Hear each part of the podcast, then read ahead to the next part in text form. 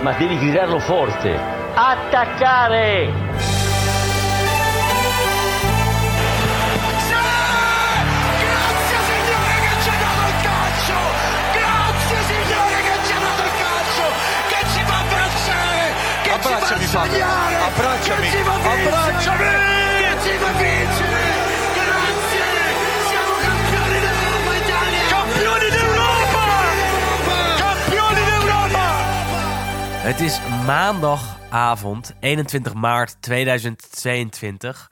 En het is weer zover, want Wesley Victor Mak aan de andere kant van de lijn en ikzelf, Willem Haak, gaan de Italiaanse voetbalweek weer nabespreken. En zoals elke week zeg ik, er is veel gebeurd. Dit keer ook echt zo. Er is echt weer veel gebeurd. Ja, echt veel te bespreken. Dat uurtje gaat zo gevuld worden, denk ik. En eh, nee, hoe is het met je? Ja, met mij is het beter dan met jou zo te horen. Want eh, nou, ik zei net al, je klinkt toch wel behoorlijk, eh, behoorlijk verkouden. twee jaar geen COVID gehad. Aan het begin wel, een keertje. Helemaal aan het begin. En eh, nu vrijdag positief getest. Dus Ja, shit man. ja, nee, ik zou naar een concert gaan vrijdagavond. van, van Vrouwtje. Ken je Vrouwtje? Ja, ik, ken, ik ken vrouwtje wel. Ja. En met een vriend tussen de 16-jarige meisjes. Eh, en eh, toen werd ik vrijdagochtend wakker met een kuchje. En ik dacht, nou ja, laat ik maar weer een keer een zelftestje doen. Want je weet het nooit. En daarna moest ik ook testen voor toegang. Dus ik, eh nou, zelftestje, gewoon gaan ontbijten. En een uur later checkte ik hem nog maar eventjes. Helemaal vergeten dat ik die had gedaan. Opeens het tweede streepje, Wes.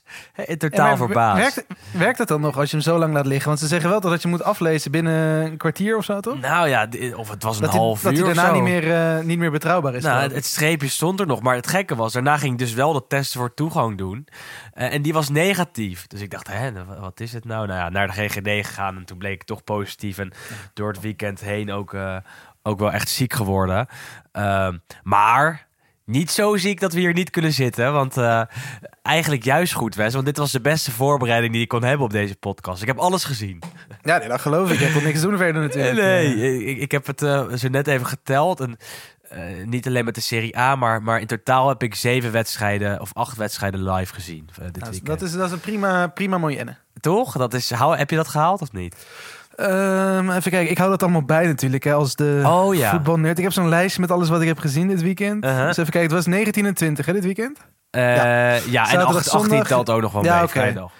Ja goed, maar vrijdagavond moest ik werken, dus heb ik eigenlijk niet heel erg actief zitten Uh-huh, kijken. Maar uh-huh. ik, ik, ik kom ook tot 8. Ook. Nou, ja, jezus. slecht, En, en dat zonder corona, hè? Niet Dat normaal. zonder corona. Maar ja, bij deze alvast de, de excuses aan alle luisteraars. Want eh, ja, ik ben een beetje verkouden en, en ik snotter een beetje. Maar eh, niet, niet zo erg dat jullie niet naar me kunnen luisteren, hoop ik. En, en En tussendoor kun je wel een keer niezen, toch? Prima. Precies, of dat kutten we er gewoon uit. Dat kan natuurlijk ook. Eh, laten we even bij het begin beginnen. Of tenminste misschien bij het nieuws van de dag. Want eh, ja, los van de wedstrijden van het weekend, eh, waar we het zo meteen over gaan hebben, is er ook vandaag wat nieuws naar buiten gekomen. Eh, Paulo Dybala gaat zijn eh, contract bij Juventus officieus niet verlengen. Dat is naar buiten gebracht door de meeste eh, Juventus-watchers. Zo net ook een eh, interview geweest met Arriva Bene, de algemeen directeur van Juve. Ja, dus eigenlijk is het wel officieel... eh. Ja, ja, precies. meer officieel dan officieus op nee, moment. precies, meer officieel. En, en ja, hoe, hoe kijk jij er dan tegenaan? Ja, het is natuurlijk het, het- het- ja, twee kanten aan het verhaal natuurlijk. Het was eigenlijk oorspronkelijk, want begin van dit seizoen eigenlijk was er sprake van dat het contract verlengd zou worden. Er werd toen gesproken over een eh, basissalaris van 8 miljoen en dan 2 miljoen qua bonussen die, eh, die te, ja, te behalen vielen. Uh-huh. Eh, maar eigenlijk heeft Juve dat op een gegeven moment een beetje op de lange baan geschoven. Ook om, ja, tenminste, dat kwam mede ook eh, doordat de zaakwaarnemer van Dybala, want hij is geswitcht ook en hij heeft nu een nieuwe Jorge Antoen. En die had dus blijkbaar zijn officiële FIFA-papieren nog, eh, nog niet. Dus daar moest ook even op gewacht worden. Ehm, en eigenlijk steeds hoe langer dat duurde en aanmodderde... kwamen natuurlijk veel meer geluiden van... Nou, misschien gaat hij hem wel niet eh, eh, verlengen. Ehm, en toen kwam inderdaad een paar... Ik denk begin dit jaar kwam dan... eh, begin 2022 kwam naar buiten dat Juve... ehm, ja, rond de Champions League, dus ja, februari, maart... dan inderdaad weer opnieuw met iedereen om de tafel zou gaan. Alleen dat het best wel eens zou kunnen dat die aanbieding omlaag ging. Dus dat was eigenlijk de, een van de redenen waarom iedereen al dacht van... nou goed, het zal nu misschien wat moeilijker worden dat hij blijft. Ehm, en nu vanmiddag is dus die Gorgaan toen naar het, het hoofdkantoor van Juve gekomen. En die hebben dus eh, twee uur denk ik met elkaar om de tafel gezeten. En uiteindelijk kwam er eigenlijk heel snel daarna kwam direct naar buiten van nou, we gaan het niet doen. En inderdaad, dat eh, interview wat je net aanhaalt met de directeur Riva Beno... die heeft echt letterlijk net misschien een kwartier geleden eh, voor de camera gestaan. Ja, daarom, ergens. precies. Ehm, en die heeft eigenlijk, tenminste uit zijn woorden blijkt eigenlijk... dat er eigenlijk niet eens een nieuwe contractaanbieding is gedaan. Dat Juve gewoon heeft gezegd van nou dat vorige contract wat we hebben aangeboden, dat, dat wordt hem niet. Want wij hebben nu in januari hebben wij Vlaovic Precies. eh, aangetrokken. En jij bent eigenlijk niet meer gewoon het middelpunt van het project, maar gewoon wel onderdeel van het project, maar niet meer het middelpunt. Ehm, en dat hij dus eigenlijk ook niet een verlaagd aanbod wilde doen aan Dybala, omdat ja, dat, dat getuigde van weinig respect. Ehm, en dat Dybala eigenlijk op die manier een beetje zo zijn conclusies heeft getrokken van nou goed, het oude contract, het dure contract, het wordt hem niet. En de, ja, de... er, komt niks anders, ik- ja. en er komt ja. niks anders aan en ik ben niet meer het middelpunt. En hij wil voor Ehm, vijf jaar tekenen, niet voor maar drie jaar. Juve ging, ging maar voor drie jaar een naar verbintenis verluid, ja, zoiets, naar verluid, ja. Het zijn altijd Het is allemaal wat ik heb van. Ik heb nu vanmiddag ook weer volgens mij vier verschillende verhalen gehoord. 6 Precies. plus 4, 7 plus 3, 2 Maar het drie sluimerde, het sluimerde natuurlijk echt wel al een tijdje. En eh, hij stond al een paar keer op de voorpagina van de Gazzetta dello Sport. Eh, heel erg gelinkt aan Inter. Eh, De kans dat dat gebeurt lijkt mij niet per se heel groot. Omdat zij dan ook een contract voor vijf jaar moeten aanbieden. En een dik salaris eh, moeten kunnen, kunnen, kunnen verzorgen. Nou ja, eh, het wordt wel interessant rond hem. Hè? Want hij blijft natuurlijk fantastisch. Wel vaak geblesseerd. Schijnt in Italië te willen blijven. Maar ja, naast Inter gaat niemand een dik contract aan hem geven, denk ik. Nou ja, goed, en dat is natuurlijk ook wel een beetje het punt dat. Tenminste, ik heb de hoop, want ik vind het echt een fantastische speler als hij fit is. En hij is natuurlijk ook echt wel door de jaren heen uitgegroeid tot een soort ja, en publiekslieveling, maar ook gewoon een ja, toch wel een beetje een clubicoon eigenlijk eh, in recente jaren. Ehm, ik, ik hoop dat hij dan zegt van nou, ik ga dan inderdaad in Italië niet voor een andere club voetballen. Maar goed, dat is natuurlijk in deze hedendaagse voetballerij is dat veel te romantisch. Dat, dat slaat natuurlijk nergens op. Maar ja, goed, ik zag net bij de bookmakers dat eh 2,75 was volgens mij de odd op een eh, transfer naar Inter. En dat was dan wel de hoogste. Als jij nu goed, ja of nee moet zeggen, zeg je ja of, of zeg je nee dat hij naar Inter gaat? Ja, ik hoop van niet, maar ik denk wel dat het het meest waarschijnlijk is eigenlijk. Maar Ja, Ik- ik- ja. Ik zou het eigenlijk. En ik denk, ja, ik, kijk, het, het, is, het is. En dat is natuurlijk ook. Want jij vraagt natuurlijk net wat ik er eigenlijk van vind. Maar het is gewoon heel, een hele lastige situatie. Want als je weet van nou, hij is fit en hij kan gewoon ieder seizoen kan hij 40 wedstrijden spelen. Dan is het eigenlijk stom dat ze dan nu hem niet hebben verlengd. Maar dat is Maar nooit zo. En, en in combinatie met natuurlijk. Ja, het, ja, Allegri is toch inderdaad gewoon heel pragmatisch. Eigenlijk 4-3-3. En dan heb je al met een zo'n wandelende, zwervende 10 is misschien al een beetje moeilijk. En daarbij het feit dat hij eigenlijk ieder seizoen minstens 10 en meestal ergens 20 wedstrijden mist. Ja, je- ik zou het ook je niet kunt doen er als niet ik echt op bouwen. En, en ik denk, en tenminste, dat is natuurlijk ook zo- sowieso iets waar Inter over na zou moeten denken. Als ze dan inderdaad wel voor hem gaan. Van je moet, ja, wat, wat jij net zegt, ze moeten eigenlijk dus een contract van minimaal vier of vijf jaar. Dan ook het salaris wat hij oorspronkelijk heeft eh, ja, verlangd. Dus dat is ook tussen de 8 en de 10 miljoen. En dan moet je ook nog maar dan geluk hebben dat hij dan daar wel fit blijft. Wat Alleen, natuurlijk ook maar een, ehm, een vraagteken is. Alleen zitten Juve en Inter wel in een andere situatie. Ik wil helemaal niet zijn mogelijke komst naar Inter verdedigen. Maar eh, ik denk dat hij daar wel meer op zijn plek is. eh, in de formatie van Inzaghi. En dat hij een koppeltje zou kunnen vormen met, met Lautaro eventueel. Eh, en, en dat is bij, bij Juve wel echt minder zo. Wat jij net zegt met die formatie, met de 4-3-3 van eh, Allegri. Eh, als jij bij Inter eh, Lautaro en Dybala in de spits hebt... dan mis je nog wel wat snelheid, denk ik. Maar dat zijn het wel twee mannen die elkaar kunnen aanvullen. Dus wat dat betreft zou het wel interessant zijn. Alsnog, als je het aan mij vraagt, gaat er naar Inter? Denk ik van niet. Denk ik dat het heel moeilijk is. Zie ik hem eerder bij Atletico eindigen. Maar ja, wel interessant om te blijven volgen. En dat is toch wel de, de, de soap van de afgelopen maanden geweest. En, eh, Ja, als wat jij... dat betreft, ik ben ook wel blij dat dat klaar is nu. Dat er in ieder geval Ja. iets van duidelijkheid Nou is. ja, en als je een topclub bent, dan zou ik er wel over nadenken. Want eh, het is absoluut een kwaliteitsspeler. Alleen hij is net te vaak geblesseerd. Lukt het je om hem fit te houden, dan heb je natuurlijk een fantastische voetballer in, hu- in huis. Alleen. Eh, Ja, het maar dat is, ook, het, het is gewoon heel lastig om inderdaad elk in te schatten van is dit nu dan een goede beslissing van Juventus geweest? Want hebben Precies. toch eigenlijk wel gewoon een beetje gezegd wat Milan de afgelopen jaren ook heeft gedaan. Van we gaan niet eindeloos meer die, die peperdure contracten blijven, blijven uitbetalen, zeg maar, of blijven aanbieden. Eh, wij trekken ook ergens de lijn. En op zich, ja, Je dat moet vind ik vanuit. Ja, nee, maar dat is het ook. En dat zegt Arriva Bene, de directeur, ook net van ja, we moeten keuzes maken voor Juve en niet per se voor een speler. En daar, daar, daar sta ik 100% achter. Maar het blijft gewoon natuurlijk wel lastig om in te schatten van hey, is dit nu een goede beslissing geweest van die balen om te vertrekken? Is het een goede beslissing van Juve om hem te laten vertrekken? En dan, inderdaad voor, zijn, en dan inderdaad voor zijn komende club van is het dan een wijs besluit geweest om hem aan te trekken. Maar ik aan dat inderdaad heel veel. Nee, precies. En ik denk wel dat heel veel ploegen natuurlijk geïnteresseerd zullen zijn. Dus over aandacht zal hij niet, eh, niet te klagen hebben. Alleen persoonlijk hoop ik dat, ik dan, dat hij dan toch richting Spanje of Engeland, eh, Engeland gaat. Maar goed. Dat was zien. het, eh, het blokje Dybala. Toch interessant om even de podcast mee te beginnen. Scoorde gisteren nog bij Juve.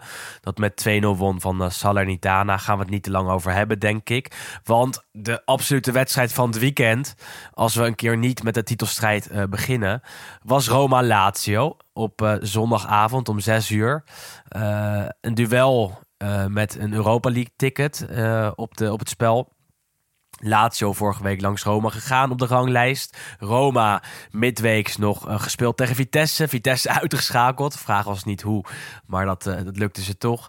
Eh Lazio geen midweekse verplichtingen gehad. Alleen dat was niet te zien, want Roma was veel beter. Stond al na één minuut voor met Abraham. Nog een keer Abraham voor de 2-0. En uiteindelijk Pellegrini met een prachtige vrije trap 3-0. Waarbij Roma dus over Lazio heen walste. Voor jou een verrassing dat zij toch het sterkste van Rome zijn?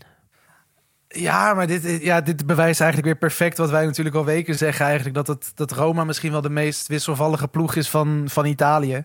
Want inderdaad, je ziet ze dan donderdag, zie je ze ploeteren tegen Oh. Vitesse. Dat het echt... Was Dat- slecht, hè? Nee, maar het was niet gek geweest als Vitesse daar gewoon eigenlijk met 2-0 of 3-0 had gewonnen uiteindelijk. Want wat, wat Roma liet zien, dat was echt schrikbarend. En die komen dan, die komen dan in de laatste minuut komen ze dan alsnog, eh alsnog langs zij op de meest Zo Ja. typisch. Italiaanse manier misschien, eh, misschien mogelijk. Mourinho-esk echt tot, eh, tot in de top. Maar goed, Absoluut. ja, maar, en dus dat is, dat is dan de ene kant van, van de medaille. En je ziet ze dan inderdaad tegen, tegen Lazio toch natuurlijk ook een belangrijke wedstrijd. En dat zal misschien ook een beetje al in de hoofden hebben gespeeld tegen Vitesse. Maar je ziet ze daar, daar gewoon van, ja, vanaf minuut 1, seconde 1 letterlijk opklappen. En, en ik denk dat dit echt de beste helft is die ze dit seizoen speelden. Speelde ook een hele goede tegen, tegen, Juve. maar ja. dit was misschien eigenlijk nog wel beter. Omdat dit gewoon ook echt leidde tot doelpunten natuurlijk. Abraham met zijn En ja. 14 en 15 van het seizoen, hè? Begin je het al te knijpen? Ja, nou, het gaat gebeuren op deze manier. Ja, maar bedoel, hebben, wij, nog... eh, hebben wij eigenlijk een, een weddenschapje of zo gedaan? Nee, hè? Ik heb toen alleen gezegd, van, nou, ik denk dat hij er 20 gaat maken, maar ik Nee, heb het was, opgezet. gewoon, het was gewoon een claim van jou, Wes. Het was, het was helemaal geen weddenschap. Ik, Shit, ik heb je ook niet zo hard tegengesproken, maar wel een Nou. klein beetje. nee, ik heb je wel tegengesproken. En hij maakt het wel 100% waar. Want als je kijkt naar Roma, is hij by far de beste speler van dit seizoen van de Giallorossi. Hij is altijd beslissend, nu ook weer. Hij is altijd actief, hij is voetballend goed. Hij kon nu zelfs een hat-trick maken. Die kans missen die helaas eh, wel. Eh, maar als je kijkt, dan, dan, dan is hij absoluut een vooruitgang geweest ten opzichte van Zeko. En is hij absoluut op het veld de leider van, van Roma. Eh, en nu ook weer tegen Lazio. Lazio dat trouwens wel echt belabberd was. Ja, die hebben natuurlijk wel de eerste, eh, de, de- ja, de eerste derby van dit seizoen natuurlijk gewonnen. Toen werd het 3-2. Ehm, Hadden ze een grote mond hè, op Twitter. Toen zeiden ze, volgende keer hebben jullie meer geluk. Nou, Roma had geen geluk nodig. Want die stond na, na een minuut voor. En daarna waren ze de hele wedstrijd de betere ploeg. Nee, vooral natuurlijk ook het, een van de mooiste momenten. Jij bent daar ook altijd natuurlijk groot fan van, hè, van, de, van de muziek. Ja, Eh, voorafgaand aan de wedstrijd natuurlijk met... eh, sowieso dat hij in het stadion zat natuurlijk, Venditti. absoluut. ja. Ehm, nou goed, ja, dat was natuurlijk al, al heel mooi. En dan even later, want hij zat volgens mij echt letterlijk naast Totti, denk Ja. ik toch? Ja, zeker. En volgens mij één, stond ertussen Of- of, of één iemand ertussen of zo, zoiets. Ja.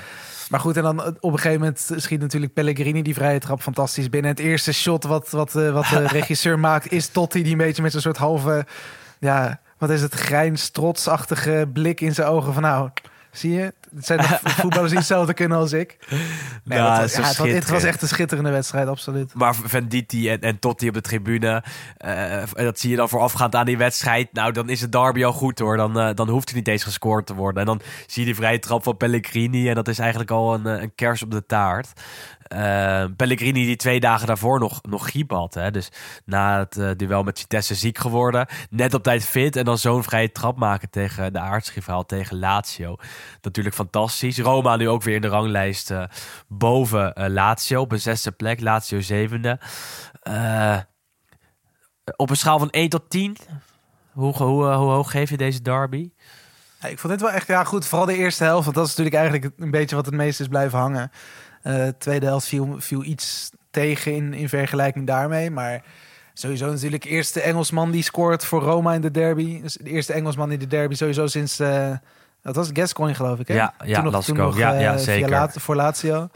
Ehm, ja, het was gewoon een hele lekkere derby. En het was een goede afsluiter denk ik van het weekend. Eh, Speaker fantastisch ook, hè? Ja, tuurlijk. Ja, ja. Tien keer deed hij het, denk ik. Tammy! En volgens mij zeggen ze in het Olympico geen Abraham, maar Abraham of zo. Ik, ik, ik eh, kon er geen Abraham uit afleiden. eerlijk Eh, volgens mij riep het publiek gewoon Tammy terug. gezegd. normaal gezien is het Tammy, Tammy. En volgens mij is gewoon, normaal gesproken is dat het voornaam achternaam. Maar Ja, ik, ik verstond inderdaad in, hetgene wat werd teruggezongen, verstond ik geen Abraham of Ik Abraham, ook niet. dus Ik dacht, hè, ik, volgens mij was het gewoon Tammy Tammy. Ja, ja terecht. Ja, toch een moeilijke naam voor de Italianen. Eh, maar het was een mooie weekend. Want het begon zaterdag eigenlijk... Tenminste, vrijdag begon het al. Met wat opwarmers. Komen we straks nog even over te spreken. Zaterdag de drie grootste Scudetto-kandidaten. Eerst Napoli-Udinese om drie uur. Daarna Inter-Fiorentina om zes. Afsluiter eh, was Cagliari tegen Milan. Eh, ja, Napoli won, Milan won. Inter speelde gelijk tegen Fiorentina. Eh, ja, waar wil je beginnen? Bij de, de, met de positieve noot of met de negatieve noot, Wes? Eh, Zeg het maar. nou, voor mij waren er niet heel veel negatieve noten op zich. Want er werd weer, er werden weer, weer, weer nodig punten verspeeld. Ehm, nou, laten we gewoon een beetje chronologisch doen misschien. Ja, dat om, het om best. drie uur 's middags Napoli-Udinese. Ja goed, we hebben het al vaker ook wel gezegd. Udinese een vrij stugge ploeg. Maar dit seizoen eigenlijk ook wel een paar hele leuke, mooie spelers. Vooral natuurlijk met... ja, Molina is wel een van mijn, van mijn favorieten daar. En, en Beto. De, de, ja, hoe noemen we hem? Antilope? Giraf. Ja, ja, dus, ja, voor mij is de giraf wel. de Dus- giraf op antilope snelheid ja, in ieder ja geval. absoluut, ja. Nee, daar heb ik wel even van, van genoten. Eh kwamen ook op voorsprong via de goede oude Spanjaard eh, Delofeo. Eh en dan had je goed, toch hè, weer een beetje... Ja, absoluut. Maar ik, ik, ja, ik vind echt wel dat er... Ja, Rodrigo de Paul toen op een gegeven moment weg. Dat was toch wel de smaakmaker van, vorige, van de vorige seizoenen. Dus je bent dan toch een beetje op zoek naar iemand die een beetje... Die, ja, toch de aandacht bij Udinese vast kan houden. En hij is zeker wel een van die spelers die dat kan. Ehm, maar ja, goed, toen 0-1 inderdaad voor Udinese. Dan had je toch weer... Ja, misschien, tenminste ik vooral, een beetje de hoop dat Napoli punten zou, eh, zou laten liggen. Maar uiteindelijk wonnen ze dan, eh, dan toch. Door een Ozyman die absoluut ontketend is de afgelopen tijd. Vorige week natuurlijk twee keer gescoord tegen Verona. Eh, toen was hij al hartstikke sterk en enorm beslissend. En dat was deze week weer eh, hetzelfde geval. Eh, de 1-1, mooie kopbal. 2-1, duikt hij mooi op bij de eerste paal, schiet hij hem goed binnen. Leidt hij Napoli dan naar een kampioenschap? Ja, dat zou kunnen. Ja. Het zou kunnen. Het Nou zou goed, kijk, we, kunnen. we zijn heel opportunistisch. Want we hebben twee weken zo. geleden weer gezegd... dat die jongen zijn kop erbij moet houden... omdat Ja, het anders dat doet hij wordt. toch? Maar Ja, dat goed, doet nu, hij nu, nu, nu, nu luistert hij en dan, dan scoort hij vier keer in twee wedstrijden. Zo is het, maar want we hebben niet gezegd dat hij er niks van bakte. Het is meer dat hij op belangrijke momenten iets vaker zijn hoofd erbij moet houden. En nou ja, als hij dat bij Verona doet, waar hij ook racistisch werd bejegend.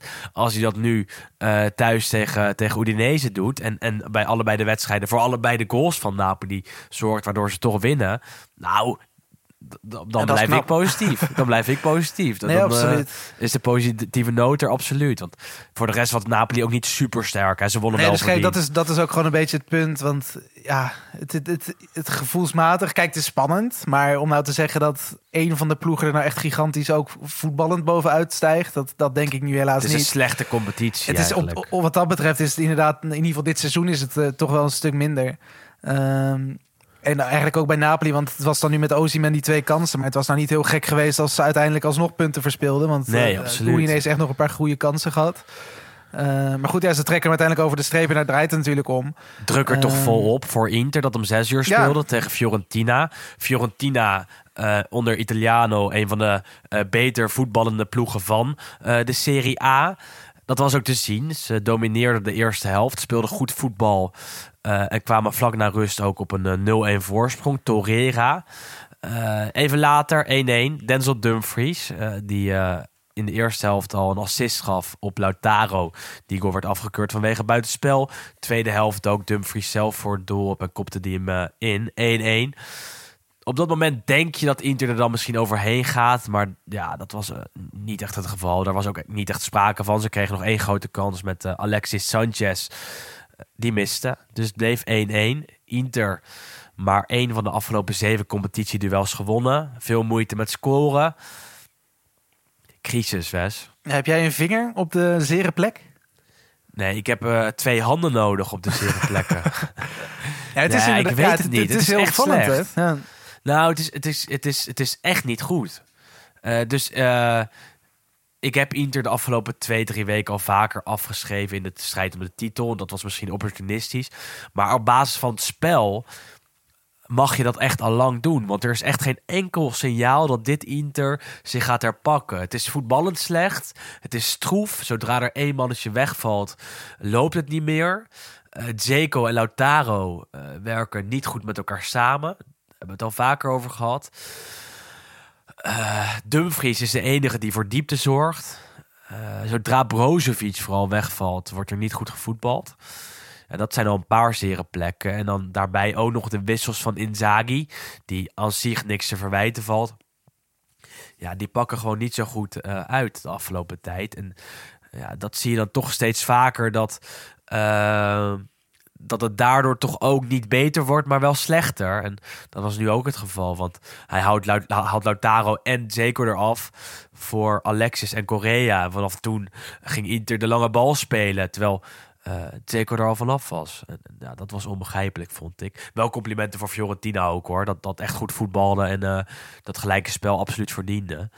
Eh, is, ja, is voor jou Inter al weg of, of, of nog niet helemaal? Nou goed, op zich, het, het valt natuurlijk nog relatief mee. Maar het vertekent misschien nu even een klein beetje... omdat ze natuurlijk die wedstrijd nog te goed hebben. Ehm, die hebben ook volgens mij net bekendgemaakt dat ze bij de... Hoe heet dat? Het CONI. Italiaanse... Het CONI gaan ze... Of de, dat is het Olympisch Comité. Gaan ze Ja. een soort... ehm, ja, heet het dan een hoger beroep als er nog geen... eh, tenminste, ze gaan een soort... Derde beroep aan- of zo. Ja, ja. zoiets, een zaakje aanspannen om de, die wedstrijd niet eens te hoeven spelen, maar dat ze gewoon 3-0 winnen, omdat Bologna toen officieel natuurlijk niet kwam, eh kwam ja, opdagen. en Bologna had ook een verkeerd vinkje ingevuld op de internetsite of zo. En daar gaat het vooral over. Want heel veel van die andere wedstrijden die kunnen al wel worden ingepland.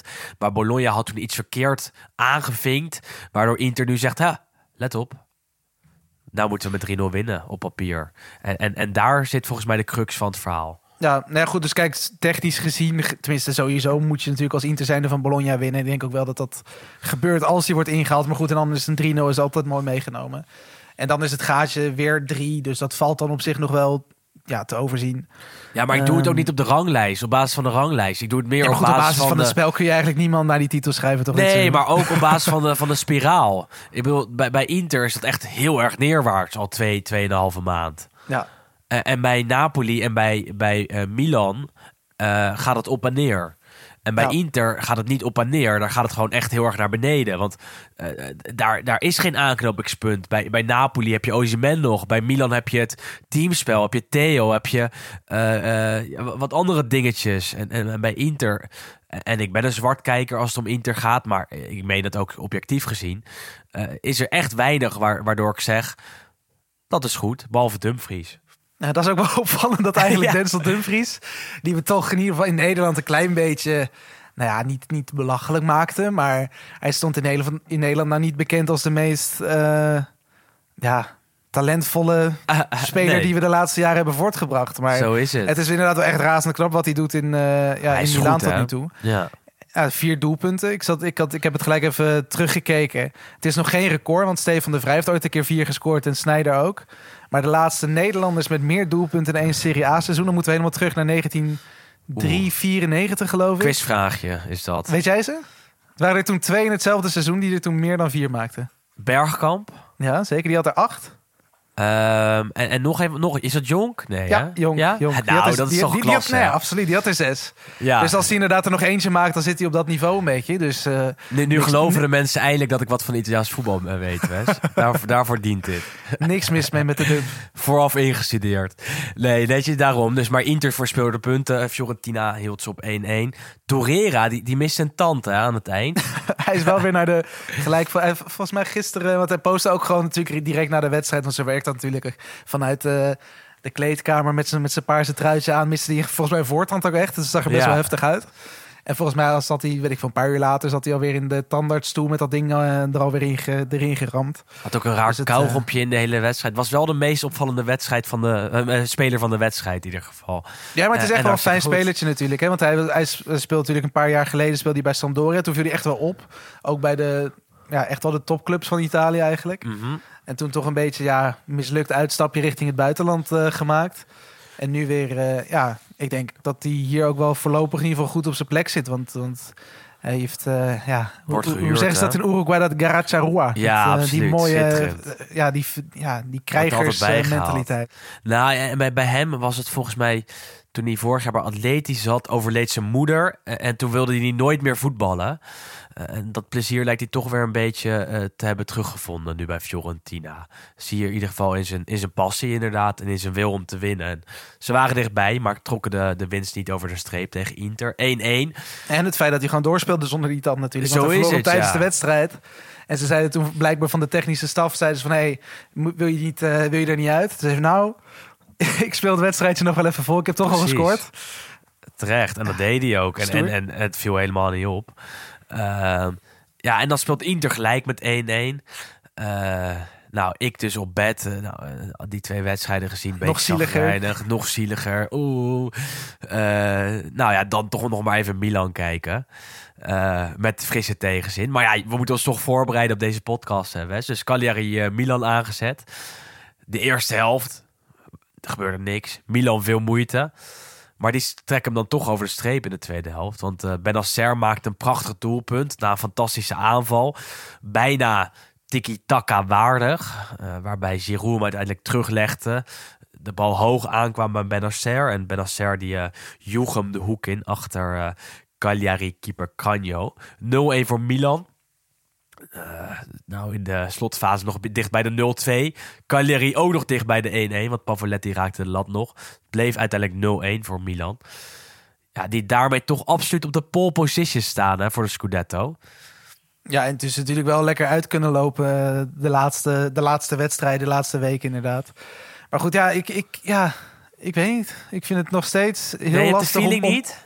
Ja, ik, weet, ik, ik vind het gewoon heel moeilijk om dit Milan dan als een titelkandidaat te zien. Maar als je dan inderdaad aan de andere kant zegt... wie vind je dan meer titelkandidaten... kan ik eigenlijk ook niet echt 1, 2, 3 zeggen van... nou, dat vind ik nou echt heel goed. Het is toch Eh, gewoon geen maar wat- goede competitie, als we eerlijk zijn. Nee, ja, waarom maken we dit eigenlijk nog? Ja, god.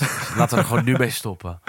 Nee, maar en dat vind ik wel heel knap. Want dat is wat je zegt, zoals ook die, die het doelpunt uiteindelijk... eh, nou, tenminste, echt de afronding komt eh, wat, wat gelukkiger tot stand... hoe die bal voor Benacer zijn voeten komt. Maar de rest van de aanval... en je ziet dat toch in ieder geval in de tweede helft bij Vlagen... echt dat het teamspel gewoon fantastisch goed is. En dat vind ik gewoon heel knap. Dat je met toch spelers die nou niet tot de buitencategorie behoren... want ze spelen ook met een Salemakers... met, eh, hoe heet onze grote vriend Messias... Nou, Giroud... Het zijn dan niet spelers waarvan je denkt, dit is echt de wereldtop. Maar ze spelen wel gewoon alsof ze inderdaad eh, tot de wereldtop behoren. En dat is uiteindelijk wel heel knap dat je dan dit soort toch lastige potjes over de, over de streep weet te trekken. Maar derde 1-0 op rij. Iedere keer lekker? moeite. Ja, het is lekker. Maar het is inderdaad denk ik voor ja, de Heb je, competitie. liever, heb je liever drie keer 1-0 op rij? Of liever Ja, drie keer 3-2 Ja, op rij? ik ben voor Juve. eh, ja, dat is waar. Laten we eerlijk zijn. Nee, maar het is wel zo dat, dat die investeringen van Milan in, in relatief jong talent eindelijk echt goed uitpakken. Ik bedoel, eh Benas, of eindelijk, die pakken gewoon goed uit zonder de, de eindelijk. Want Theo was weer supergoed. Benacer beslist hem nu. Eh Leao is het hele seizoen al fantastisch. Dus als je naar Milan kijkt en je ziet ze nu eerste staan... en, en straks pakken ze die Scudetto misschien wel... dan is het wel de, de titel van beleid. En eh, het is niet zoals bij Inter vorig jaar de titel die werd gekocht. Het is echt een eh, titel die eh, tot stand is gekomen door eh, het goede beleid van Maldini, het goede beleid van uh, het goede beleid van Pioli. ja, gewoon een project eigenlijk. Het het project, ja. En, en, en dat, dat is wel hartstikke leuk om te zien. Dus elke week kunnen we kijken naar Milan en denken... Ha, als dit kampioen wordt, is het verbazingwekkend. Maar uiteindelijk is het bij hen wel de afgelopen paar seizoenen alleen maar beter geworden.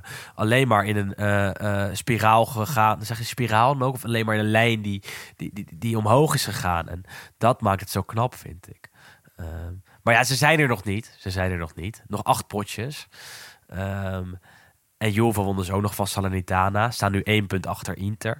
Dat zijn toch de vier ploegen waarmee we het gaan doen. Ja, waar- dat, dat, ja. Dat, dat die vierde er nog bij komt, dat is... dat hebben we vorige keer ook al gezegd, dat is opvallend. Maar dat is het ook gewoon. Het, je, iedereen verspeelt punten en bij niemand gaat het soepel. En je hebt toch het gevoel dat er eigenlijk iedere week... kan iedere ploeg in die top 4 kan zomaar weer punten verspelen. Ehm, en dat maakt natuurlijk wel heel leuk om te kijken op die manier ook. Want het is ook gewoon iedere beslissing, ieder afgekeurd doelpunt... iedere scheidsrechtelijke dwaling heeft op die manier ook zo'n grote invloed op die titelstrijd. Omdat alles zo dicht bij elkaar staat. Het zijn alleen maar finales vanaf nu. Ja, nee, maar het, het is een En ik vind het verschrikkelijk als, als, als trainers of spelers dat dan weer zeggen... ja, nog twaalf finales te gaan. Maar ja, het lijkt er wel een beetje op op deze manier. Nou ja, en je hebt na de interlandbreek heb je een fantastische speelronde. Eh, Atalanta-Napoli op de zondag. En, en daarna s'avonds Juve-Inter. Een dag later, op maandag, Milan-Bologna. Kijk, dat, Dat zou schema. het, eh, en- en- het moment en- kunnen zijn. En dat zou het moment kunnen zijn waarbij je denkt... dat is de speelronde geweest waarbij Milan hem echt binnensleept. Waarbij ze uitlopen op eh, Napoli en uitlopen of op Inter... of op Juve of op allebei. Ja, dat, dat, dat, dat zou echt de key kunnen zijn naar eh, de, de rood-zwarte titel. De eerste sinds 2011. Eh, Onder alle- Allegri. onder Allegri, ja. Nou ja. En alle Milanici die dit luisteren, inclusief Sander Jonkman natuurlijk. Die, Die, worden al die, enthousiast. rood omcirkeld natuurlijk. Sander begon ineens weer te tweeten over de Serie A, hoor. Ongelooflijk. Die, Ja. die, die, die man was een paar jaar was hij afwezig en nu komt hij gelijk weer... Zo is het. Die wil binnenkort weer aanschuiven. Ja. Ongelooflijk. Bij de eindejaarspecial, drie keer raden wie er zit. Sander Jonkman. Willem Ja, Haag wel. vorig jaar een special gemaakt over Inter. nou, Sander die mag dit jaar met, met, met, zijn Milan-vrienden. Met Max Jacobs en wie nog meer. Zijn er bekende Milanici in Nederland? Nou, die, we, nodigen Ruud Gullit en Marco ook gewoon uit. Oh ja, nou, dat zijn Komt toch goed, komt toch goed. Ja. Nee, zo is het. Dus dat, en goed, de eh, wedstrijd werd natuurlijk nog wel een beetje ontsierd weer op het einde door de, ja, moeten we zeggen de inderdaad. gemiddelde ja. Cagliari-fan. Waarbij João Ja. Pedro het opnam voor de Cagliari-fans. Want, want die hebben de hele wedstrijd racistische spreekhoren naar het hoofd van eh, Mike Maignan eh, geslingerd. Eh, tenminste, voor zover bekend is het alleen Maignan geweest, toch? Of vergis ik me dan? Ja, Ehm, maar goed, op het einde kwam Temor er nog even bij. Ja, Maar- precies. ja. Maar de, de spreekhoren waren gericht aan Maignan. Toen zei João Pedro, want die, die nam het af, die duwde Maignan weg, die een signaaltje gaf na afloop van de gewonnen wedstrijd door Milan dus. Zei João Pedro, ja, ik wil het toch opnemen voor mijn supporters. Dat is toch Ja, een maar- hele rare reactie. Ja, maar ik, ik, ik, ja, ik weet precies, niet precies de context. Maar volgens mij was het ook gewoon in ieder geval op dat moment tijdens die wedstrijd. toen iedereen natuurlijk op het veld nog stond. om gewoon iedereen naar binnen te krijgen. Want goed, het heeft geen zin om daar dan te gaan staan bekvechten met z'n allen natuurlijk daarbuiten. Eh, maar goed, ja, ja, het is. Ja, Ja, je, je, je, dan je moet je het gelijk wat je er verder afkeuren. van moet zeggen. Nee, maar- misschien, misschien is zo'n João Pedro die denkt dan, ja, ben je al stoer aan het doen naar de fans, ik moet er wat van zeggen. En goed, en ik- aan de andere kant, ik, Ja. kan ook wel, ik kan ook wel begrijpen. Kijk, op dat veld ga je toch niks meer doen. En als, als het is gehoord, dan wordt er uiteindelijk toch wel iets van een strafje gegeven. Dus uiteindelijk moet, moet het daar toch vandaan komen. Je kunt daar Ja, zelf als speler of als... Je bent toch ja, woedend? Je bent toch woedend als je met jou bent? Dan, dan, Ja, natuurlijk, daar, dat, begrijp ik inderdaad wel. Maar ik, ik snap aan de andere kant, jou Pedro ook wel. Het heeft ook geen zin om dan nog een half uur daar buiten te gaan staan bekvechten op 100 meter van elkaar. Ja, Ja, het was, het was nog een groot... het was weer gewoon een klassieker, eh klassiek weekend. hè. En het is echt vaak Cagliari. Dat vind ik Ja. echt opvallend. Het is, het is bij Moise Ken gebeurd daar. Moise Kien, hoe je het ook wil zeggen. Matuidi, Eto'o in het verleden. Eh, nu weer, Lukaku eh, vorig jaar nog natuurlijk. Lukaku vorig jaar nog. Het is echt wel een hele grote serie daar. En we hebben het altijd wel over Verona, waar het misgaat. Maar Cagliari, in, in mijn herinnering, wordt bijna net zo vaak Cagliari genoemd als, als heel veel andere clubs. Vaker zelfs bedoel ik. Ja. Vaker dan Verona, vaker dan andere clubs waarbij we denken dat het het vaakst gebeurt. En, en, Ja. en, en- Nou, ja, echt zeker dit weekend stond natuurlijk in het teken van de... Wat is het? No to racism, geloof ik. Ja, dus dat stond ook op of keep, keep, keep racism Ja, out. stond ook op maar- alle, alle bordjes en de shirtjes en de dingetjes. Dat is toch ja. bullshit dat ze dat doen. Ze doen er nooit wat aan. Ze, doen, ze kunnen wel het weekend eh, te- eh, in het teken zetten van de strijd tegen racisme. Vervolgens zijn er racistische spreekhoren bij Cagliari Milan. En doen ze er weer niks aan. Geven ze een boete van 10.000 euro aan Cagliari. En zijn die fans die dat hebben gedaan, zijn er volgende week gewoon weer. Of over twee weken wanneer er weer gespeeld wordt. Of wanneer Cagliari ook thuis speelt. En, en dat, is, dat is nu al zo vaak gebeurd dat je denkt, nou kom op man. Eh, eh, eh, doe nou echt iets. Ja. En, en dat gebeurt gewoon echt niet. En daardoor wordt zo'n speelronde toch weer ontsierd. En, en, en daardoor denk je toch, nou kom op, wat een racistisch land. Terwijl het echt niet per se zo is. Alleen het blijft wel maar gebeuren. En, en dat, ja, Dat, dat is natuurlijk sowieso een beetje. Je ziet vooral natuurlijk echt ja, de idioten eigenlijk vallen natuurlijk ook op. Omdat er nou gewoon simpelweg meer de aandacht op wordt gevestigd. Doordat ze dit soort dingen doen. Maar snijden idioten weg. Ja, in, maar in goed, principe, ja, in principe ja. zijn zij, zij zij het kankergezwel van het Italiaanse voetbal. En dat, Ja. is, dat is gewoon echt zo. Ja, nee, absoluut. En dat Ze je hebben volgens mij wel vorig seizoen inderdaad rondom Lu- Lukaku is er wel op basis van camerabeelden zijn er volgens mij drie mensen hebben toen een stadionverbod gekregen. Maar ja, goed, dat is inderdaad, eh, bij, ja. bij, bij Lazio eh, Inter dit jaar werd Dumfries toch ook racistisch Gewoon op bejegend? op beeld, met die, met die, dat, dat, dat iemand een aap nadeed. Ja, Ja. wat was het ook weer? Zoiets was het. Of met, dat, met, met dat, de apengeluiden in ieder geval. Dan denk Zoiets. Kom op, zeg. Ja, goed, wat, kijk, een, het enige- wat, wat, wat, een, wat een ongelofelijke situatie toch altijd. Nee, het enige waar je op kan hopen is inderdaad dat er een, een- inderdaad nu er is nu een nieuwe voorzitter bijvoorbeeld van de competitie, dus misschien dat die eh, ja wat heftiger de teugels aantrekt. Maar goed, ja, Uiteindelijk het is gewoon, is hij, belachelijk dat dit ja dat het nu nog steeds natuurlijk eh, te sprake moet komen. Maar uiteindelijk is die nieuwe voor, voorzitter ook weer een, een, een, een man die uit het kamp van Lotito komt. En ook weer iemand van het Old Boys Network. ook weer een trekpop. Dus ja, eh, ook weer een trekpop. Dus, dus uiteindelijk gaat er nooit wat ver- eh, eh, veranderen. Hetzelfde als bij de FIFA enzovoort. Maar eh, in Italië is er echt een groot probleem met racisme. De afgelopen, eh, nou, 100 jaar al praktisch kan je zeggen. De afgelopen jaren wordt het nog breder uitgelicht. En nog blijft het altijd op hetzelfde niveau en wordt het nooit minder. Nou, ja, het blijft echt ongelooflijk, vind ik. Echt iets waar je boos over kan maken. Ehm, nou ja, dat, dat, eh, dat, dat gezegd hebbende. Nog even langs de andere potjes. Ja, laten we dat maar doen. We, we hebben wel een mooie week voor de boeg. Hè? Want ook weer Italië straks. En daar gaat de column van Juriaan van Wessem eh, over. Dat wordt weer billen Wordt knijpen. billen knijpen, ja, absoluut. En jij als, als Italiaan, hè, dan moet dan eh, toch voor ze juichen. Want anders heb je niemand op je, voor te juichen op het WK. Absoluut, dat bedoel ik. Eerste Serie A nog even. Vrijdag werd er ook gespeeld. Sassuolo Spezia en Genoa Torino. Sassuolo won met 4-1 van Spezia. Was weer een showtje van Berardi. 100 doelpunten. Ja, maar we, we kunnen het elke week zeggen. Maar hoe kan hij daar nog spelen? En hoe, hoe kan hij nou 100 doelpunten voor Sassuolo hebben gemaakt? Dat is toch Ja, verbazend. dat, het, is, is bijzonder. Nou, maar ik moet ook wel zeggen, het is eigenlijk ook wel pas een... Misschien niet dit seizoen, maar eigenlijk sinds halverwege vorig seizoen... dat je dan gevoelsmatig ook zegt, nu is hij echt klaar voor, de, voor een stap hogerop. Want we hebben Is natuurlijk zo, ook heel ja. veel gezegd dat hij nog te, te druistig is en te dom... En, en soms te veel kaarten pakt en zeker te veel bij akkefietjes en ruzietjes betrokken is. Maar je hebt nu inderdaad echt het gevoel dat hij op het punt staat. Nou goed, mag natuurlijk ook wel. Ik weet niet, hij is volgens mij 26 of 27 intussen. Maar nu staat hij echt wel op het punt dat hij gewoon een stap moet, eh, moet gaan maken eigenlijk. En ik kan me ook bijna niet voorstellen dat hij er zelf misschien nog genoeg mee, ja, genoegen mee zou nemen om nu nog een seizoen te blijven. Dus ik denk wel dat misschien deze zomer er eindelijk dan een stap in zit. Maar ik ken Ehm. geen gelijkwaardig verhaal.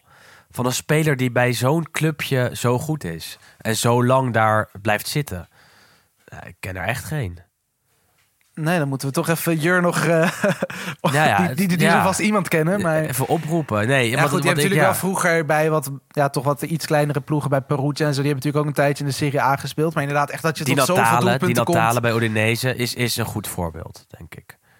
Of, of zou je ja, die niet tellen? Dat, ja, maar goed, die deed het eigenlijk natuurlijk pas op latere leeftijd. Dus dat is weer een ander verhaal. Want die begon eigenlijk pas met scoren op zijn dertigste. En bij Berardi, die gold natuurlijk al wel op vrij jonge leeftijd al als talent. Met zijn eh, poker tegen Milan. Waardoor Ja. Allegri, Allegri als Milan-trainer... Hè, een jaar na, dat kampioenschap werd ontslagen.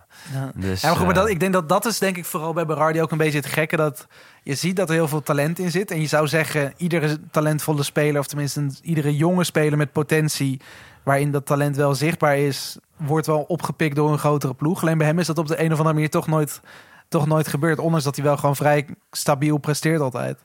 Eh, Nee, dat is zo. Maar Ja. ja, nee, je, je, je vraagt het je toch af. Ik zit trouwens met Soccerway voor mijn neus. Dat doe ik altijd, hè, om het even de, uitslagen toch goed voor mijn, eh, voor mijn eh, in beeld te hebben. Maar die hebben nu een nieuwe reclame met Bally Bo- Body. Bally Body. en er staan de hele tijd twee dames in bikinis voor mijn neus nu. Dus ik ben af en toe een beetje afgeleid. Hè? Nee, maar je, je, je weet dat Soccerway, dat gaat gewoon op de, op de Google ads. Hè? Dus oh dat is gewoon jee, iets wat jij ik, op- dan... eh, heb ik op bikinietjes heb ik eh, gezocht. Oh nee, nou, ja, hier. Ja, maar ik, ik had dat ook dus vorig jaar. Want ik was toen natuurlijk op zoek naar een eh, verlovingsring. En toen zag ik ook dus op dit soort websites... zag ik ook alleen maar allemaal verlovingsringen staan. Zal ik eens kijken wat Bally Body voor... eh, eh, oh, Klik, er eens op. Wat is het? Tanningmoes. Nou, als dat niet voor jou is, Ja, als dat niet voor... Ik heb dat nog nooit gegoogeld.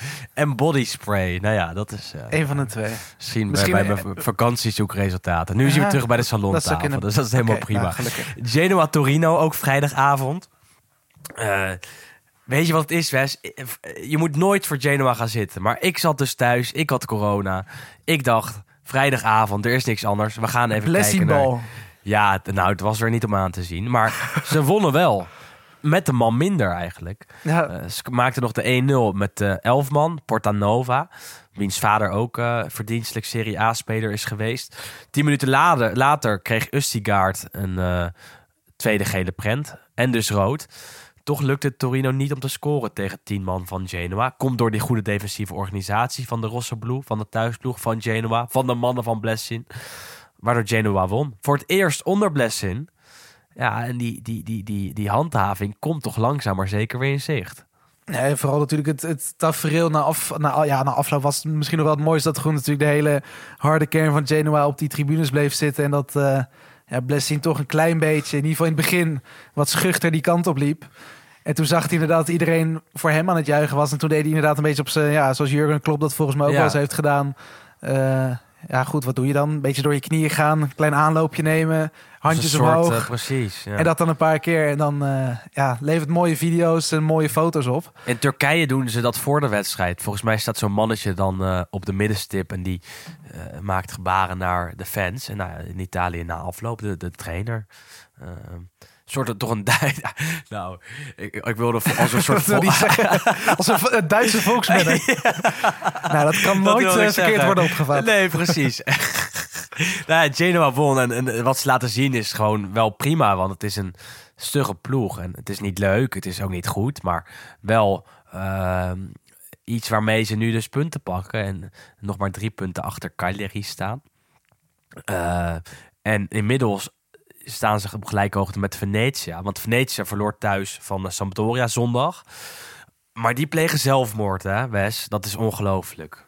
Ja, dat is, eh, dat is niet best. Die zitten nu echt in een fase dat natuurlijk echt wat punten gepakt moeten worden. Want ze hebben natuurlijk ook een paar keer tegen nu wat topteams gespeeld. Ja, goed, die kan je verliezen. Maar ze spelen nu inderdaad, zitten ze in een periode tegen Sampdoria en Salernitana. Wedstrijd moet worden, nog worden ingehaald. En nog wat ploegen die rondom eh ja, Venetia spelen, eh, staan in het klassement. Daar spelen ze nu tegen. En goed, Sampdoria is een van die ploegen waarvan je dan, ja, als je erin wil blijven, moet je dan toch in ieder geval een gelijk spelletje pakken. En het liefst natuurlijk, vooral als je thuis speelt, eh, gewoon winnen.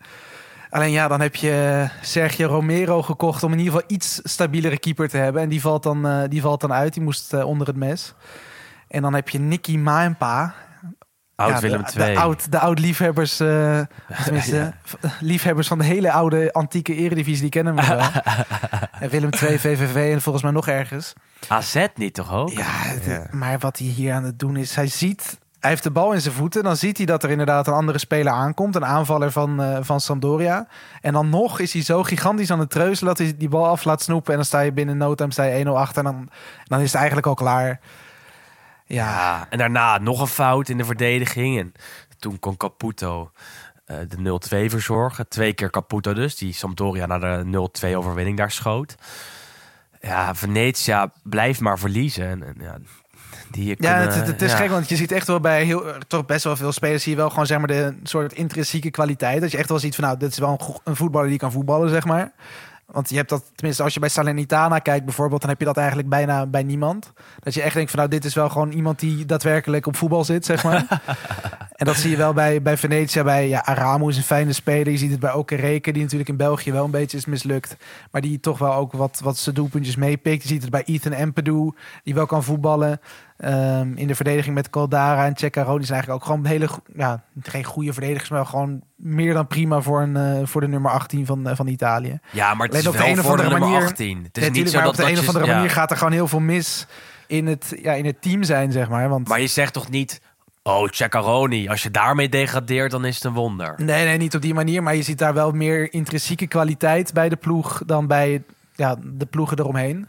Alleen qua team is het gewoon veel minder. Want je hebt echt het idee dat die gasten letterlijk iedere week op verschillende trainingsvelden staan. Ja. Want je hebt echt niet, je ziet bijna niks terug dat, waarvan je denkt van nou, dit zijn spelers die iedere week met elkaar doormaken en die, die echt een team aan het, aan het vormen zijn. En dat, ja, dan, dan degradeer je. Ik moest erg hard lachen om, om de luisteraarsvraag die ik binnenkreeg. Maar ja... De, Jij was even niet aan het opletten nog. ja, nou, ik had gewerkt en, en uh, de lange werkdag. Gewoon vandaag ook vanuit, uh, vanaf achter mijn bureau. Dus in quarantaine. En nou, ik, ik even omschakelen naar Italiaans voetbal weer. En ik zie opeens de vraag... Wat vond je van de reactie van Janetti op uh, de rode kaart van Henri? Dus ik dacht, hè? Wat is het voor... Zanetti, Thierry Henry? Wat is het voor historische vraag? Maar uh, ja, ik, ja, twee minuten had ik het door. En, en toen ging het inderdaad over de rode kaart van de spits van Venetia. En de reactie van de trainer van uh, Venetia zelf ook. Uh, ja, wat vond je van die reactie? ik vond het heerlijk. ja. Nou, ik kijk, ja, Thomas Henry pakt dan drie minuten voor tijd inderdaad in zo'n hele belangrijke fase waarin je iedere speler nodig hebt. En zeker een spits die gewoon wel een doelpunt kan maken, zoals Henry. Pakt hij dan zijn tweede gele kaart. Ik snap dan wel dat je als trainer volledig door het lint gaat. Um, dus de emotie snap ik. Uh -huh. Alleen of het inderdaad professioneel is, omdat dat letterlijk op dat moment als Harry nog net niet een stap over de, over de zijlijn heeft gezet. Moet om even uitleggen, denk ik. Even uitleggen wat hij deed voor de, voor de luisteraar. Voor die nou goed, dit, dus hij, uh... hij stapt van het veld als natuurlijk met twee keer geel. En Zanetti moet echt letterlijk al dan worden tegengehouden. Want die staat echt te schreeuwen en die gebruikt woorden en, en uitspraken die wij van Isaac niet eens in de podcast mogen zeggen. Uh, um, ja, het, hij gaat gewoon echt volledig door het lint. En wat ik zeg, ik snap het wel. Maar doe dat dan lekker binnen ja, in de kleedkamer. Niet voor het oog van de camera's. Vandaar de reactie. Vandaar de reactie. Uh, Sampdoria won daar met 0-2 van Venetia. Venetia moeilijkheden. Empoli in de tweede seizoenshelft ook niet goed. Ontvingen thuis uh, Verona dat het beter doet. Maar niet verder kwam dan een 1-1. Dat had mede te maken met een gemiste penalty van Simeone. Of moet ik dan eigenlijk zeggen, twee gemiste penalties. Want hij miste de eerste. Uh, die werd gered door Empoli-keeper Vicario. Even later moest hij worden hernomen, want uh, Vicario bleek van zijn uh, lijn af te zijn gestapt voordat de penalty was genomen. Simeone weer de penalty nemen, dit keer op de paal. Dan heb je ook een zure dag. Dan heb je wel een zure dag. Uh, ja, even later werd het wel alsnog 1-1 door Cancellieri. Dat is wel een fijn spelertje. Ja, dat, dat was is een beetje een goed talent. Hij doet me een beetje denken aan Berghuis in zijn jonge jaren. Ook qua kapsel, zo zijn haartje Ja. strak naar achter. Goede linkervoet, mooie krulbal. Iets groter wel, volgens mij. Voor mijn gevoel in ieder geval. Uh, dit jaar ook al tegen Inter gespeeld, toen viel hij ook al op in de basis. En nou ja, Verona Een kwam niet verder dan een 1 bij Empoli. Uh, bij Simeone dacht ik nog aan Martin Palermo. Die heeft volgens mij in Argentinië een keer vier penalties in één wedstrijd gemist. En dat was Eh, zonder dat hij over, opnieuw genomen moest worden. Het waren gewoon Toch? vier aparte penalties, dacht ik. Ja, dat waren toch, toch vier pingels? Ja, dat, Ja, dat- of- ik dacht er net toevallig. Of Ik drie denk, ik, of denk, zo. ik, ik denk dat er eentje in de, in de penalty-serie nog na afloop was. ja. Maar in ieder geval oh, ja. inderdaad de hele wedstrijd. Dus binnen 120 minuten en penalties miste hij er volgens mij vier inderdaad. Absolute cultheld in, eh, in Argentinië. Ehm, en Bologna-Atalanta hebben we nog niet eh, besproken. Werd 0-1. En, en aan die goal van eh Cisse kleeft wel weer een bijzonder verhaal. Ja, dat was dan toch wel weer een beetje het verhaal van het weekend misschien. Ja, speelde al een paar jaar, want hij was al wel iets langer in, in Italië, volgens mij sinds 2019. Oorspronkelijk komt hij uit Guinea, is ook pas 18. Eh, maar die werd daar opgepikt door een, een ploeg uit, uit Puglia, dus helemaal in het, in het zuiden, in de hak van de laars. Ehm, je hebt eigenlijk sowieso de laatste jaren gebeurd dat zeker in de, in de, ja, de kuststeden en de kustregio steeds vaker dat er specifiek voor de vluchtelingen, want er is daar natuurlijk ook een groot vluchtelingenprobleem, toestromen vanuit Afrika, vooral is natuurlijk heel groot daar. Ehm, ook op Sicilië natuurlijk. Ehm, dat er dus inderdaad gewoon specifiek voor die jongens wordt er, worden daar voetbalteams opgericht. Ehm, en zo had je dus ook in, eh, ja, in Puglia een clubje met eigenlijk alleen maar vluchtelingen, de, de refugees. Ik, weet- ik ben even snel de naam kwijt van de hele ploeg, eh, van de hele club. Ehm, maar goed, Ja, dus daar speelde, dus, daar speelde hij dus eigenlijk sinds 2019 zo af en aan een beetje. Ehm, en hij werd 23 februari, dus dat is nog geen maand geleden, werd hij eh, opgepikt door Atalanta. Die toch wel zagen dat er wat eh, ja, talent in zat. Maar goed, die jongen, 18 jaar, wel een spits. Speelde op het achtste niveau van Italië, dus met, dat vluchtelingen, met die vluchtelingenploeg. Ehm, mocht toen inderdaad een paar wedstrijdjes meedoen, zo met de onder 19, met de Primavera dus van, eh, van Atalanta. Drie wedstrijden, drie goals.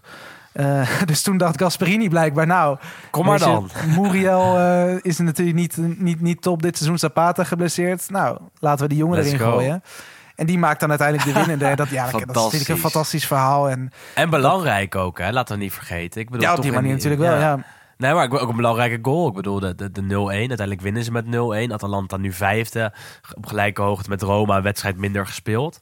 Eh, Dat zo'n jongen dat kan doen en, en daarvoor kan zorgen, vind ik schitterend. Nee, en ik zag dat doelpunt en toen dacht ik eigenlijk gelijk weer eventjes terug aan, aan Juve een dag eerder. Want die hebben dan Fabio Miretti. Die, die speelde vanaf zijn achtste speelt hij in de jeugdopleiding van Juve. Het grootste talent in jaren. Eh, en die wordt dan, ook voor zijn Serie A debuut, krijgt hij dan in minuut 92, mag hij dan invallen. en dan heb je, dat, kijk, dat vind ik dan echt wel het grootste verschil tussen, ja goed, in dit geval dan Juve en Atalanta. Maar hoe eh, groot het verschil is tussen sommige ploegen als het aankomt op inderdaad de inzet en het opleiden van talent en de omgang daarmee. Dat, dat je bij Atalanta, want deze Mustafa Cissé is echt niet de eerste jongeling die de laatste jaren gewoon echt volledige wedstrijden speelt en echt heel veel kansen krijgt. En als je dat dan niet... Ja, goed, bij Inter is natuurlijk Bastoni dan nu wel een jeugdproduct wat is, eh, wat is doorgekomen. Maar eigenlijk bij de meeste topploegen zie je natuurlijk heel weinig spelers die uit de eigen jeugd Bij Milan constant kansen krijgen. Milan nou nog goed, het ja, vaakst van, van, Mi- van die Milan inderdaad van die grotere ploegen nog het meest. Want die heeft natuurlijk met Donnarumma iemand die uit de eigen jeugd is, ge- is Calabria. gekomen. Calabria nu nog steeds. Courtron in het verleden. Maar zeker bij aan Juve kant, dan denk ik echt van ja, als dan zo'n jong in de 92 minuut invalt, dan wat moet je dan doen? En dan Ja. wordt natuurlijk wordt Allegri ook na afloop wordt er dan naar gevraagd en dan hoor je hem zeggen, ja, ik vond dat hij inviel met heel veel passie en heeft het Ja, echt heel goed joh. gedaan. En denk ik van ja, kom, Ja, gezeik. 100, se- 100 seconden. Precies. En bij Atalanta krijgen die jongens wel een kans. Ook bij Bologna trouwens. Maar dus wat dat betreft wel mooi dat het eh, eh, in dit duel gebeurde. Want bij Bologna scoorde twee seizoenen geleden nog Giuwara eh, in San Siro. Dat was ook een, een, een vluchteling. Daar zat ook zo'nzelfde verhaal aan verbonden. Waar hij nu speelt is niet meer bij Bologna. Ik weet niet precies waar. Volgens mij wel in Italië ergens. Maar die geven ook zulke soort jongens vaak een kans. En Atalanta scout ook in die regionen heel vaak. En ook in Afrika zelf. Dus dat is ook de manier waarop ze Cassie destijds hebben gehaald. Eh, ik dat zag was trouwens over Kessie, over Kessie Ja, ja. gesproken nog even, nog even. Ik zag dat hij een, eh, moet voor de rechter komen. Want had dus, het, is, het is een voorval uit 2020. Maar blijkbaar was hij toen een keer aangehouden eh, met zijn auto. En toen moest hij zich legitimeren. Alleen had dus blijkbaar zijn eigen ideeën had hij niet, eh, had hij Mhm. niet bij zich. Dus toen gaf hij het legitimatiebewijs van degene die naast hem zat in de auto. Alleen hij was dus even vergeten dat het een bekende voetballer was. dus natuurlijk, die agent herkende hem gewoon. Dus die heeft hem toen een eh, ja, soort van half gearresteerd op, ja, hoe zeg je dat? Persoonsverwisseling, zoiets. Ja, ja, Identiteitsfraude. Dus hij moet nu volgens mij binnenkort moet hij voorkomen om ja, toch even uit te leggen wat daar precies misging. Vond ik wel een komisch Dikke verhaal. Kan niet Dat dan- betalen. Ja, maar ja, eh, als je dan als profvoetballer, dat je dan ervan uitgaat dat niemand je kent. Nee, dat is wel mooi. Maar met zijn tekenbonus eh, bij Barcelona straks mag eh, hier aan opgaan dan. Nou, als hij naar Barcelona gaat natuurlijk. Dat weten we nog helemaal niet. hey, we zeiden het net al eventjes. En de column van Jurjen gaat er zo wel over. Maar eerst nog even een paar inleidende woorden van ons. Want we hebben donderdag wel een belangrijke wedstrijd voor Italië. O- op Sicilië in Palermo. Tegen Noord-Macedonië. De WK-playoffs. De winnaar moet tegen de winnaar van het duel tussen Portugal en Turkije. Heb je er vertrouwen in? Noord-Macedonië zou moeten lukken. Ja. Zou moeten lukken. Ja, Uitverkocht stadion trouwens. Eerste Ja. wedstrijd weer met eh 100% capaciteit in Italië. Nee, dus dat komt, dat komt natuurlijk wel op een heel mooi moment eigenlijk. Maar ja, ik weet het. Het is natuurlijk, je speelt daarna speel je tegen Turkije of Portugal in de, in de finale dan van de play-offs. Als goed, ze dat- winnen. Als ze winnen. En goed, en dat is natuurlijk wel een ander verhaal. Zeker natuurlijk als je Portugal loodt. Of tenminste als Portugal daar inderdaad terecht komt.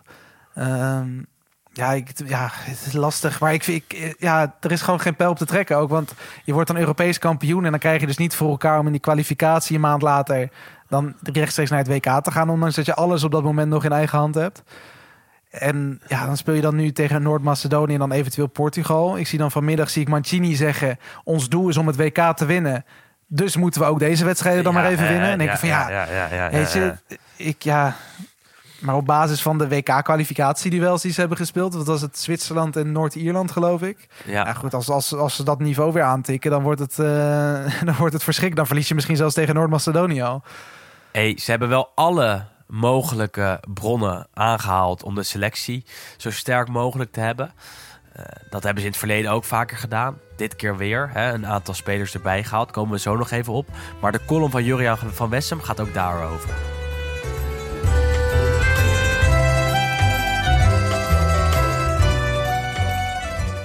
Terwijl Juventus vorige week ploeterde tegen het oogstrelende Villarreal, bevrijdde Jorginho tegelijkertijd in de Champions League titelverdediger Chelsea uit een netelige situatie met een prachtige steekpaas op Pulisic. En opeens was weer duidelijk hoe belangrijk die in Brazilië geboren Italiaan is geworden en waarom hij een serieuze kandidaat was voor de Gouden Bal van 2021. Natuurlijk hebben zijn twee gemiste strafschoppen in de WK-voorronde ervoor gezorgd dat de Squadra Azzurra deze week overwerk heeft. Maar Jorginho was ook de grootmeester die Mancini nodig had om Italië aan de Europese titel te helpen. Het was zeker niet voor de eerste keer dat Italië gebruik maakte van een buitenlander bij een groot succes van de nationale ploeg. Het is de laatste tijd weer mode dat voetballers van nationaliteit wisselen om voor een andere nationale ploeg uit te komen. Soms komt het wat geforceerd over, zoals met de waarschijnlijk deze week bij de nationale ploeg debuterende João Pedro van Cagliari, die zijn Italiaanse paspoort te danken heeft aan een huwelijk met een Italiaanse. Dat is op zich weer een nieuw verhaal, want alle andere buitenlanders die voor de Italiaanse ploeg speelden, hadden tenminste Italiaanse voorouders. Dat zijn Oriundi. En daarvan zijn er zeker veel, omdat vanaf de eenwording van Italië tientallen miljoenen Italianen in alle windrichtingen emigreerden. Christian Vieri is eigenlijk een Australiër, maar toch vooral Italiaan. Giuseppe Rossi komt uit New York, maar ook hij is een echte Italiaan. Bij Jorginho ligt het misschien nog iets anders, omdat hij als 15-jarige naar Italië verhuisde en vanaf zijn 20ste al een Italiaans paspoort had via zijn grootvader. Pas zes jaar later ging hij voor de nationale ploeg spelen. Maar Emerson Palmieri is een echte oriundo. Want hij was al jeugdinternational van Brazilië toen hij in Italië ging spelen. Hij maakte op zijn 23e zijn debuut voor de Squadra nadat Giampiero Ventura hem had overtuigd om zich te laten naturaliseren. In 2006 was Mauro Camoranesi ook een buitenlander die in de Italiaanse ploeg speelde. Hij had al in drie landen gevoetbald toen hij op zijn 24e in Italië ging spelen bij Verona. Na twee seizoenen werd de geboren Argentijn door Juventus in dienst genomen. Binnen een half jaar na die transfer was hij ook een echt Italiaan en maakte hij zijn debuut onder bondscoach Giovanni Trapattoni en werd hij in 2006 wereldkampioen met Italië. Dit verhaal past wel in een traditie van Argentijnen bij Juventus en dan komen we bij de echte Oriundi, die Italië aan de eerste wereldtitel hielpen in 1934. Er waren in die kampioensploeg twee Argentijnen die in 1927 de Copa America wonnen en een jaar later met Argentinië zilver pakten op de Olympische Spelen van Amsterdam. Na dat toernooi werd aanvaller Raimundo Orsi door Fiat-eigenaar Giovanni Agnelli, de overgrootvader van Andrea Agnelli, hoogstpersoonlijk overtuigd om voor Juventus te gaan spelen. Die club was een van de initiatiefnemers van de start van de Serie A, een nationale competitie voor profvoetballers. Als voorwaarde van deze overgang kreeg Mumo Orsi een Fiat 509. Hij groeide binnen een paar maanden uit tot het idool van Juventus en was binnen een paar maanden ook Italiaans international, tot grote ergernis van de Argentijnse bond. Hij miste het WK van 1930 om die reden, maar zou vier jaar later in de finale van Rome tegen Tsjechoslowakije de dure gelijkmaker voor de Italiaanse ploeg maken. Op dat WK was Luisito Monti ook een dragende speler van de Azzurri. Zijn verhaal is nog opmerkelijker, want hij speelde op het WK van 1930 met Argentinië wel de finale en verloor die. Hij speelde dus twee WK-finales voor twee verschillende landen. Agnelli had hem in 1932 overgehaald om bij Juventus te komen spelen en binnen een paar weken was hij ook international voor de Squadra. Hij was een geweldige middenvelder vanwege zijn grinta en misschien te vergelijken met Diego Simeone en Javier Mascherano. In de jaren 50 werd Omar Sivori door Juventus gehaald en Italiaan gemaakt. Waarschijnlijk was deze aanvaller met Di Stefano de beste Argentijnse voetballer tot de doorbraak van Maradona. Hij werd in 1961 uitgeroepen tot Europees voetballer van dit jaar, als eerste Italiaan. Hij won de Copa America met de Argentijnse ploeg in 1957 en vertrok daarna meteen naar Juventus en speelde vijf jaar later op het WK in Chili voor Italië. Dat was geen groot succes, maar Sivori dankte aan zijn Italiaanse nationaliteit wel de gouden bal die hij als Argentijn nooit zou hebben gekregen in die jaren.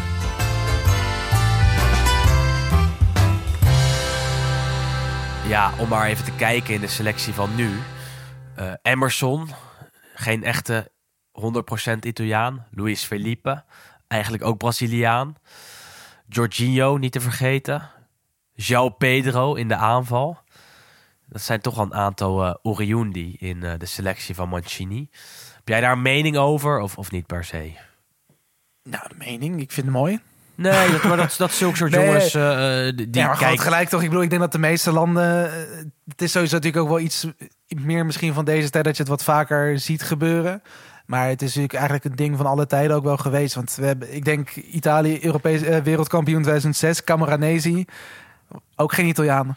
Is zo. is- het is natuurlijk door de jaren heen zeker gevoelsmatig wel meer in Italië dan in andere landen. Ehm, Nou, we hebben hier in de- Nederland hebben we toen met 2006 wel een rel gehad.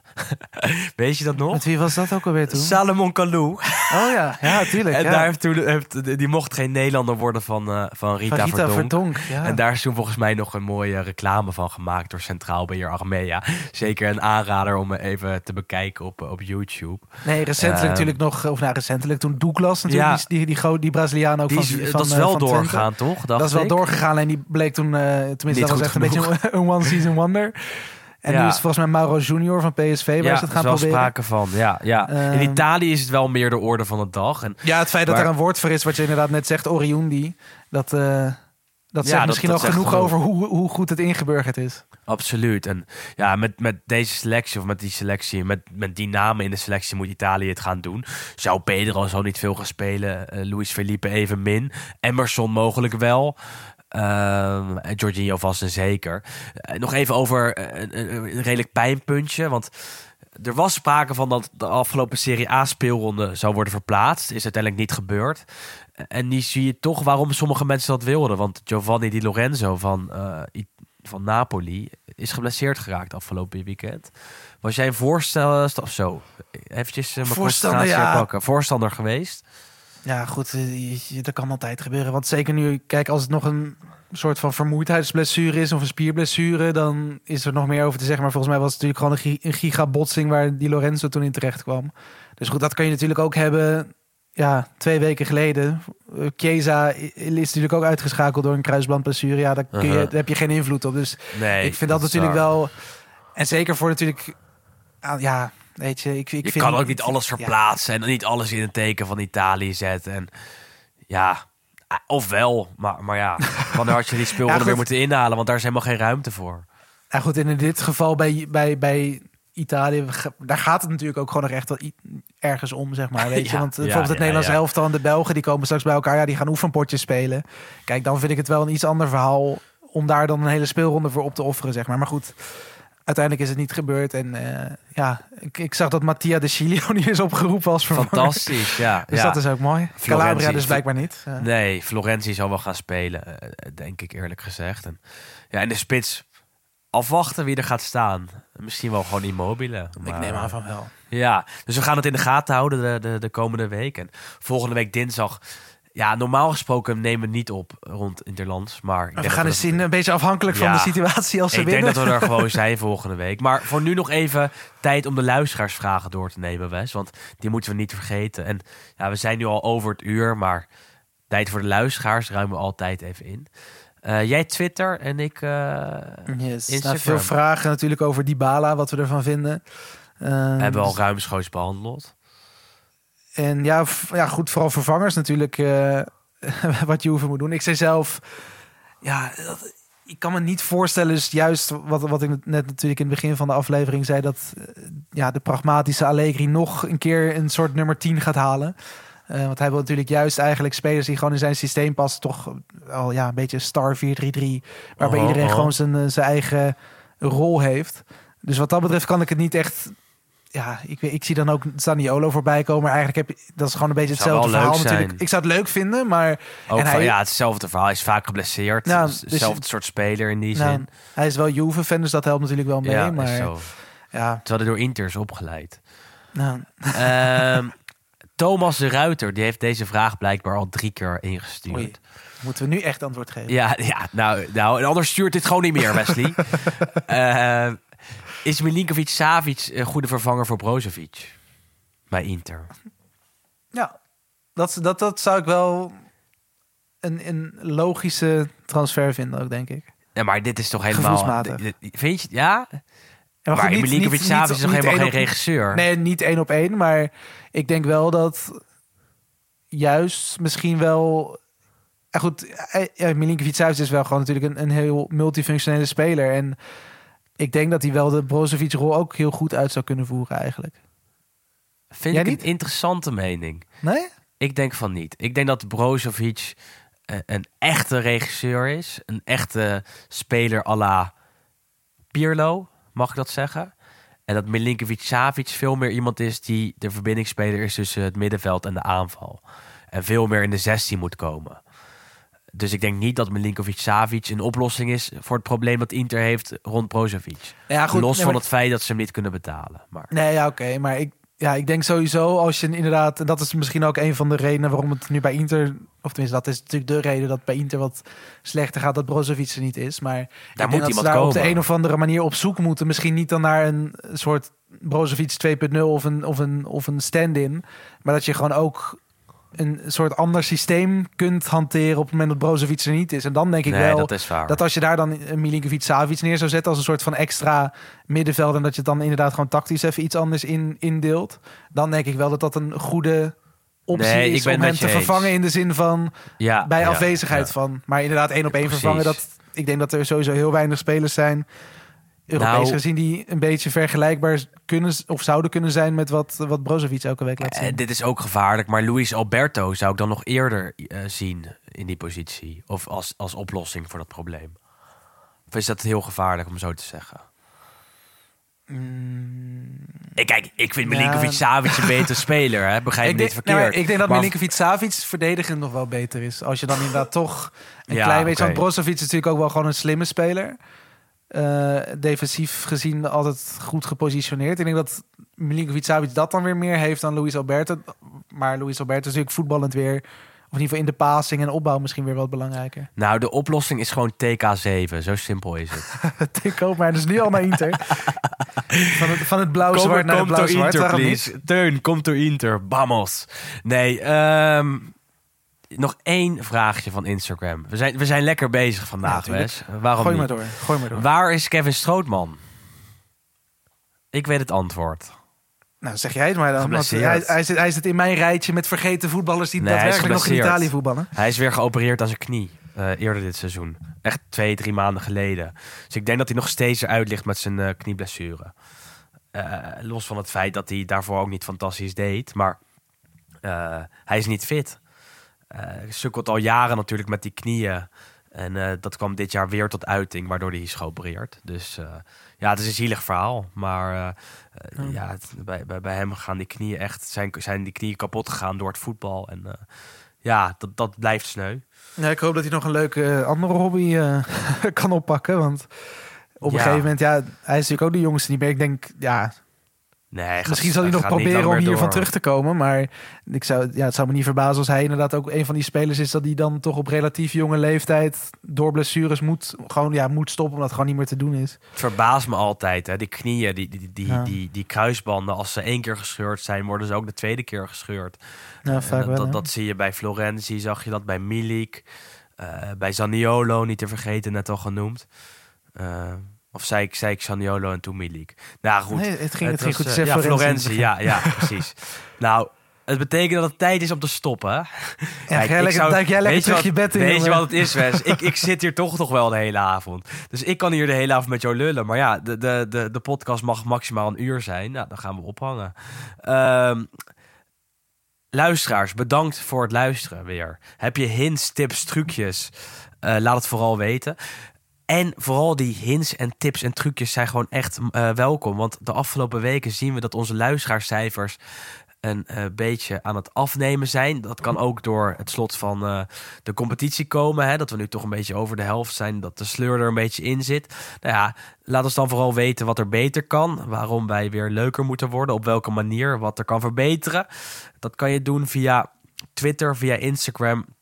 Via andere kanalen waarop je ons kan bereiken. Want ja, wij horen toch graag wat er eh, kan verbeteren. Vorig jaar hebben we een enquête eruit gegooid. Ik sluit niet uit dat we dat weer gaan doen dit jaar.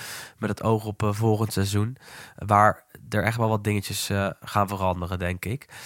Ehm, Bedankt aan FC Afkikken. Bedankt aan Friends of Sports. Bedankt aan Harmen Ridderbos, die ook deze week weer de podcast heeft gemixt en gemonteerd.